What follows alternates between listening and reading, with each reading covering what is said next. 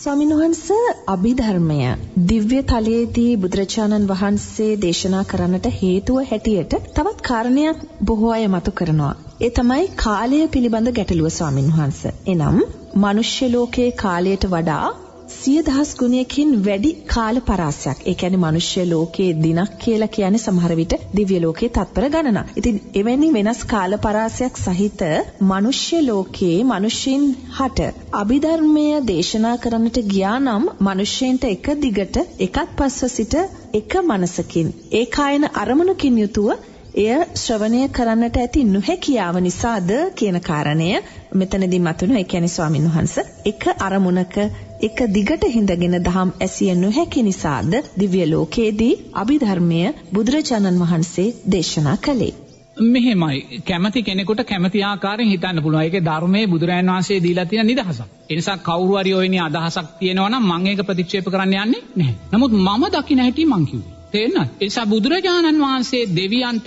අභිධර්මයේ දේශනා කරන්නේ දෙවියන්ගේ ඉන්ද්‍රිය ධර්මයන්ගේ ශක්තිමත්භාවය වැඩි, ඒ වගේම පිනේ ශක්තිමත්භාවය වැඩි. ඒ නිසා අවබෝධ කරගැනීමේ හැකියාව වැඩි. ඒ නිසා ගැඹුරු වුණත් ඒගොල්ලන්ට ඒක අවබෝධ කරගැනීමේ හැකියාව වැඩි. ඒ නිසායි බුදුරජාණන් වහන්සේ එතන දේශනා කරන්නේ. නමුත් මිනිස්සෙන්ට බුදුරජාණන් වහන්සේ මේ ආරෂ්ඨාංගික මාර්ගයයි දේශනා කරන්නේ. තෙන් අනේ පිරිස සිටුතුමාට විසාකා උපාසිකාවට කොතනකවත් අභිධර්මයේ දේශනා කරපු තැනක් අපි සූත්‍රගත ධම්මයක අහලා නැහැ. ඒ නිසා නිරේතුරුවම මෙන්න මේ කාරණේදී අපි දෙවියන්ට දේශනා කරපු දේ මිනිස්සෙන් ගලප ගන්න ගියොත් අපි එතන පැටලෙනවා. ඔතනයි ප්‍රශ්නේ. නමුත් යම් කෙනෙකුට පැටලෙන්නේ නැත්නම් ඒ කියන්නේ එයා ඒක කරගෙන යනවා. ඒක හරි. ඒ වෙත් වැඩි. තේන්නද? ඒ කියන්නේ දැන් අනිවාර්යයෙන්ම නෝනා දැම්මි තව ඉදිරියට යන්න යන්න අදින් පස්සේ බිහිවෙන්නා වූ ලෝකේ සූත්‍රගත ධර්මයන්ට වඩා අභිධර්මයන්ට ලැබෙන්නා වූ තැන වැඩි. සූත්‍රගත ධර්මයන්ට වඩා අභිධර්මයේ ඉගෙන ගන්න අභිධර්මය ජීවිතයට එකතු කරගන්න ගන්න උත්සාහය වැඩි. ඒක ධර්මතාවය. ඒක කිසිම වැරද්දක් මට දකින්න බෑ. ඒක ධර්මතාවය. මම පැහැදිලිව කියනවා සූත්‍රගත ධර්මයට වඩා අදින් පස්සේ බිහිවෙන ලෝකය උත්සාහ ගන්නේ අභිධර්මයේ ජීවිතයට එකතු කරගන්න. ඒක හේතුඵල ධර්මයක්. හේතුඵල ධර්මයක් කියන්නේ මොකද්ද? මනුස්ස ලෝකේ ජීවත් වෙන මිනිස්සය ලෝභ දේශ මොහ අකුසල් වඩනවා. අකුසල් වැඩුවාට පස්සේ මොකද වෙන්නේ? ඒගොල්ලෝ නැවත මනුස්ස ලෝක වලට එනවද? දිව්‍ය ලෝක වලට එනවද? ඒගොල්ලෝ වැටෙන සතර අපායට. එතකොට දැන් දිව්‍ය තලවල ඉන්න දෙවියොත් දිව්‍යාංගනාවොත් සිල්පද බින්දිනවා අකුසල් වඩනවා. අකුසල් වැඩුවාම ඒගොල්ලන්ට මොකද වෙන්නේ? ඒගොල්ලෝ දිව්‍ය තලවලින් චුත වෙලා වැටෙන්නේ කොතෙන්ද?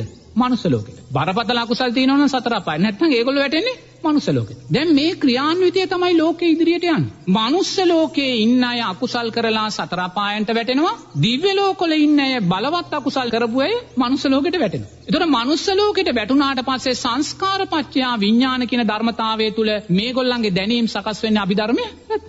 මොකද වඩලා පුරුදුද? ඒ වඩලා පුරුදු දේ. ඒතර වඩන පුරුදු දේ දැන් මෙතෙන්ට ආපුවාම සූත්‍රගත ධර්මයේ නෙමෙයි ඒගොල්ලන්ගේ දැනීම් සකස් වෙන්නේ කැමැත්ත සකස් වෙන්නේ අන්න අභිධර්මයේ කරා යන. ඒ නිසා අනාගතයේ සූත්‍රගත ධර්මයන්ට වඩා අභිධර්මයේ ප්‍රචාරය වීමට තියෙන ඉඩකඩ 100%ක් වැඩි වෙනවා. නමුත් ඒ වැඩි ප්‍රමාණයට අනතුරත් වැඩි. මොකද සද්ධාව දිනෙන් දින දිනෙන් දින දිනෙන් දින දුර්වල වෙන සමාජයක් අපි ඉදිරියේ තියෙනවා. එතකොට මේ සද්ධාව දිනෙන් දින දිනෙන් දින දුර්වල වෙන සමාජයක ආර්ය ශ්‍රාංගික මාර්ගයේ ගලප ගන්න අදක්ෂ නම් එයා අර ගැඹුරු අභිධර්මයේ ගලප ගනීද? උතනයි ප්‍රශ්නේ. නමුත් අර පුරුදු ඔස්සේ සාංශාරික පුරුදු ඔස්සේ සහ අපේ නැතිවෙන්නා වූ මමත්වයේ දැඩිභාවය නිසා අපි සරල දේ අතහැරලා ගැඹුරු දේ ජීවිතයට එකතු කරගන්න යනවා. මේ ශාසන පරිහානියන්ගේ ලක්ෂණ. ශාසන පරිහානියන්ගේ ලක්ෂණ කියන්නේ සරල දේ අයින් කරලා ගැඹුරු දේ ගන්න යද්දී මෙහෙන් සද්ධාව දුර්වල වෙනකොට මොකද වෙන්නේ පැටලෙනවද නැද්ද? පැටලෙනවා. තේන්න. මට මතකයි මීට අවුරුදු 4කට වගේ ඉස්සෙල්ලා නිරේතුරුව මාව මුණ ගැහෙන්න එන පිරිසක් හිටියා. තේන්න. නිරතුරුව මාව මුණ ගැහෙන්න එනවා ධර්මයේ කතා කරනවා ධර්මයේ සාකච්ඡා කරන පිරිසක් හිටියා. නමුත් මේ අය අවුරුද්දක් එකමාරක් මම දැක්කෙම නැහැ.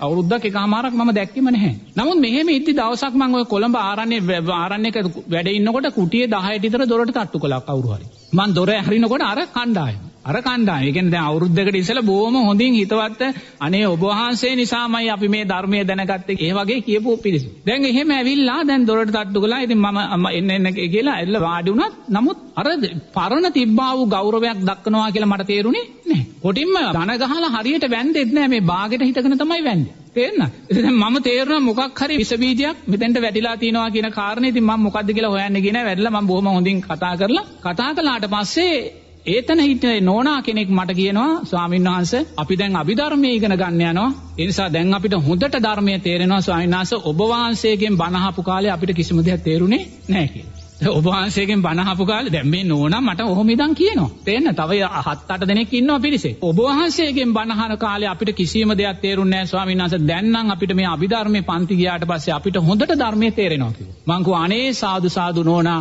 කාගේ ධර්මය වුණත් කමන්නේ අභිධර්මයක් මන් දේශනා කරපු ධර්මයක් බුදුරජාණන් වහන්සේගේ ධර්මය. ඒ නිසා ඔබතුමියට අභිධර්මයේ තුලින් ධර්මය තේරෙනවායි කියන කාරණේ අනේ ලොකු දෙයක් මං සාදු සාදු කියලා පින් දුන්නා. තේරෙනවද? නමුත් එහෙම පින් දීලා මං එතුමියට කිව්වා නෝනා බුදුරජාණන් වහන්සේ අභිධර්මයේ දේශනා කළ තියෙන දෙවියන්ට. තේන ඒ දෙවියන්ගේ ඉන්ද්‍රිය ධර්මයන්ගේ ශක්තිය වැඩි. ඒ නිසා තේරුම් ගැනීමේ හැකියාව වැඩි. ඒගොල්ලන්ගේ පින වැඩි. එහෙනම් නෝනා දෙවියන්ට දේශනා කළා වූ ධර්මයක් ඔබතුමියට ඔච්චර හොඳින් තේරුණා කියන්නේ ඔබ දෙවියන්ට හා සමාන ඉන්ද්‍රිය ධර්මයන්ගෙන් සහ පිනෙන් වැඩි කෙනෙක්. තේන්න නමුත් එහෙම කිව්වහම නෝන අර නෝනට ගොඩාක් සතුටක් ඇති වුණා. ඒ කොච්චර සතුටක් ඇති වුණාද කියනවා නම් එනකොට අර බාගෙට වන්දනා කරපු අය යනකොට මට පසඟ පිහිටවල වන්දලා ගියේ. ඇයි මොකද උනේ? ඉතින් මම යාව ඔසවලා තියද්දී ඒ එසවීම තුල යා තව තව ආස්වාදයට පත් වුණා. ඒතකොට දැන් මොකක්ද මේ ජීවිතයට එකතු කරගෙන තියෙන්නේ? සක්කාය දිට්ඨිය.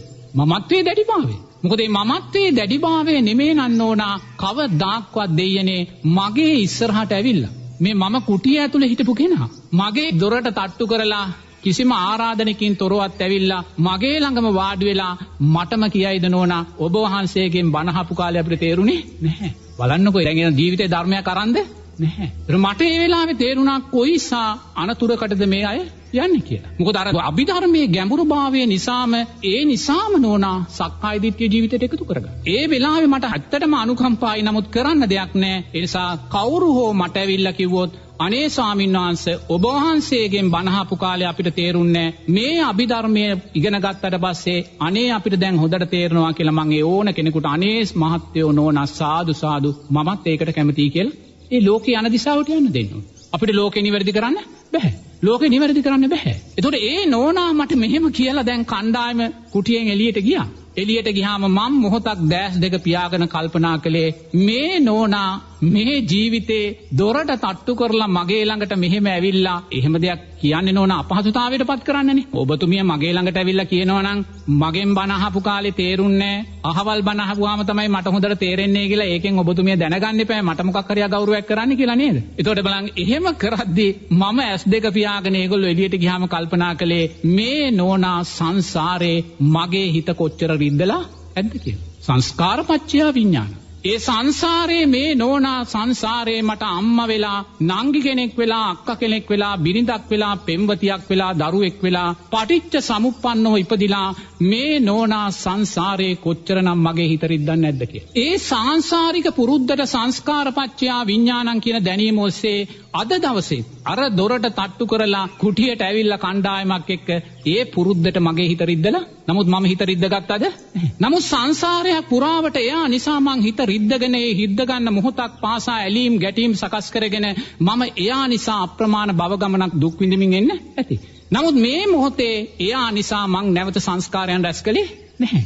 තේන්න සංස්කාරපච්චයා විඤ්ඥාන. එනිසා අරාකාරයෙන් සොයාගෙන ඇවිල්ල තව කෙනෙක් වේදනාවට පත් කරන්න තව කෙනෙකුට හිත රිදෙන දෙයක් ප්‍රකාශ කරන්න හිත දෙන්නේ නෝනා සංසාරික හේතුවක් නිසාමයි. නමුත් අභිධර්මය ඉගෙන ගත්තත් ඒක තේරුම් ගන ශක්තිය නැහැ තේරුම් ගන ශක්තියක් නැහැ. තේන්න. එනිසා අපේ ඉදිරියට යමෙක් ඇවිල්ලා අපිට ඉරියව්වකින් හිනාවකින් වචනකින් හරි අපිව සතුටු කරනවානන්න ඕනා සංස්කාරපච්චයා විඤ්ඥාන. සංසාරික පුරුද්දක්කේ. කෙනෙක් ඇවිල්ලා අපේ ඉදිරියට ඇවිල්ලා නිරේතුරු අපි අකමැති දෙයක් කියලා යනවා නම් කරලා යනවා නම් දුකක් පීඩාවක් දෙනවා නම් සංස්කාරපච්චය විඤ්ඤා. ඒ සෑම දෙයක්ම පෙර සංස්කාරයන්ට අදාළවයි දැනීම සකස් වෙන්නේ. ඒ නිසා යාට හිත දෙන්නේ නැහැ. ආම්දුර ළඟට ගිහිල්ලා ආම්දුරන්ට මේක කියන්න ඕනේ. ඒ සකස් වෙන දැනීම සකස් වෙන්නේ නෝනා අතීත සංස්කාරයන්ට පුරුදු වලට අදාළවයි. ඒ හා සමානව අපි අතීතයේ අප්‍රමාණ අපි අපිට හිංසා කරගෙන තියෙනවා අපි අපිට එහෙම නැත්නම් ගෞරවය කරගෙන ආදරය කරගෙන තියෙනවා. ඊට අදාළවයි මේ ජීවිතේ දැනීම සකස් වෙන්නේ. තේන්න. නමුත් මේ දේ කවදාකවත් අභිධර්මයේ තුලින් තේරුම් ගැනීමේ හැකියාවක් ඒ නෝනාට තිබ්බේ ඒ කණ්ඩායමට තිබ්බේ නැහැ. තේන්න. ඒ නිසා අර ගැඹුරු ධර්මයේ ජීවිතයට එකතු කරගන්නට යාම නිසාම නෝනා අවසානයේ අපි එකතු කරගන්න තියෙන සක්කාය දිට්ඨිය විතරයි. ඒතකොට මන් දැක්ක දෙයියනේ අර බුදුරජාණන් වහන්සේ දේශනා කරපු බණයි මම දේශනා කරන්නේ මගේ බණක් නෙමෙයි. ඒතකොට මම මේ බණ දේශනා කරද්දී ඒ නෝනලා තුල ඔච්චර සක්කාය දිට්ඨියක් තිබ්බේ නෑ. නමුත් ඔතන තමයි අනතුර. තේන්න. ඒ නිසා වේගයෙන් සද්ධාව දුර්වල වෙලා යන සමාජයක නෝනා අපි ආර්ය ෂ්ටාංගික මාර්ගයේ කියන බුදුරජාණන් වහන්සේ සරලභාවයට පත් කරලා දේශනා කළ තියෙන ධර්මයේ ජීවිතයට ගලපගන්නේ නැතුව අර ගැඹුරු ධර්මයක් කරා අපි යන්න ගියොත් දෙවියන්ට දේශනා කරපු ධර්මයක් කරා යන්න ගියොත් නෝනා අනාගතයේ මුළු සමාජෙම බරපතල පැටලිල්ලක පැටලෙන. අවබෝධය කරා යන ගමන පැටලිල්ලක පැටලෙන. ඒ පැටලිල්ලේ නාමයෙන් සක්කාය දිට්ඨිය මමත්වයේ දැඩිභාවයේ පමණයි ජීවිතවලට එකතු කරගන්න.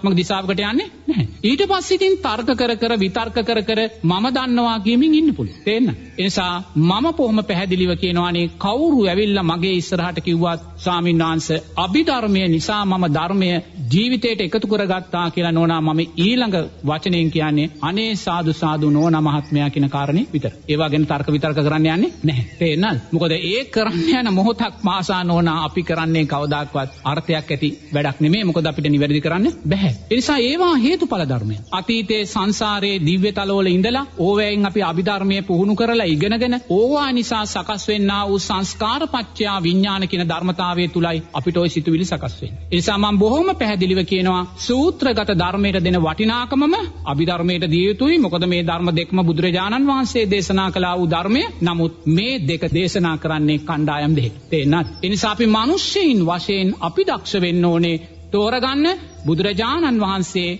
අනේ පිළි සිතුතුමාට විසාකා උපාසිකාවට උග්‍ර ගෘහපතිවරයාට දේශනා කළේ යම් ධර්මයක්ද ඒක අපේ ජීවිතයට එකතු කරගන්න. තේරෙනවද? නමුත් ඒකට අකමැති කෙනෙක් ඉන්නවා නම් කිසිම ප්‍රශ්නයක් නැහැ. අනේ සාදු සාදු යනමාවතේ යන්න කියන කාරණේ විතරයි අපි කියන්න ඕනේ. ඒවා නිවැරදි කරන්න යන්න අවශ්‍යතාවයක් නැහැ. මොකද ඒවා සංස්කාරපච්චයා විඥාන කියන ධර්මතාවය තුල අපේ පසුපස පටිච්ච සමුප්පන්නව ගලාගෙන දේවල්මයි.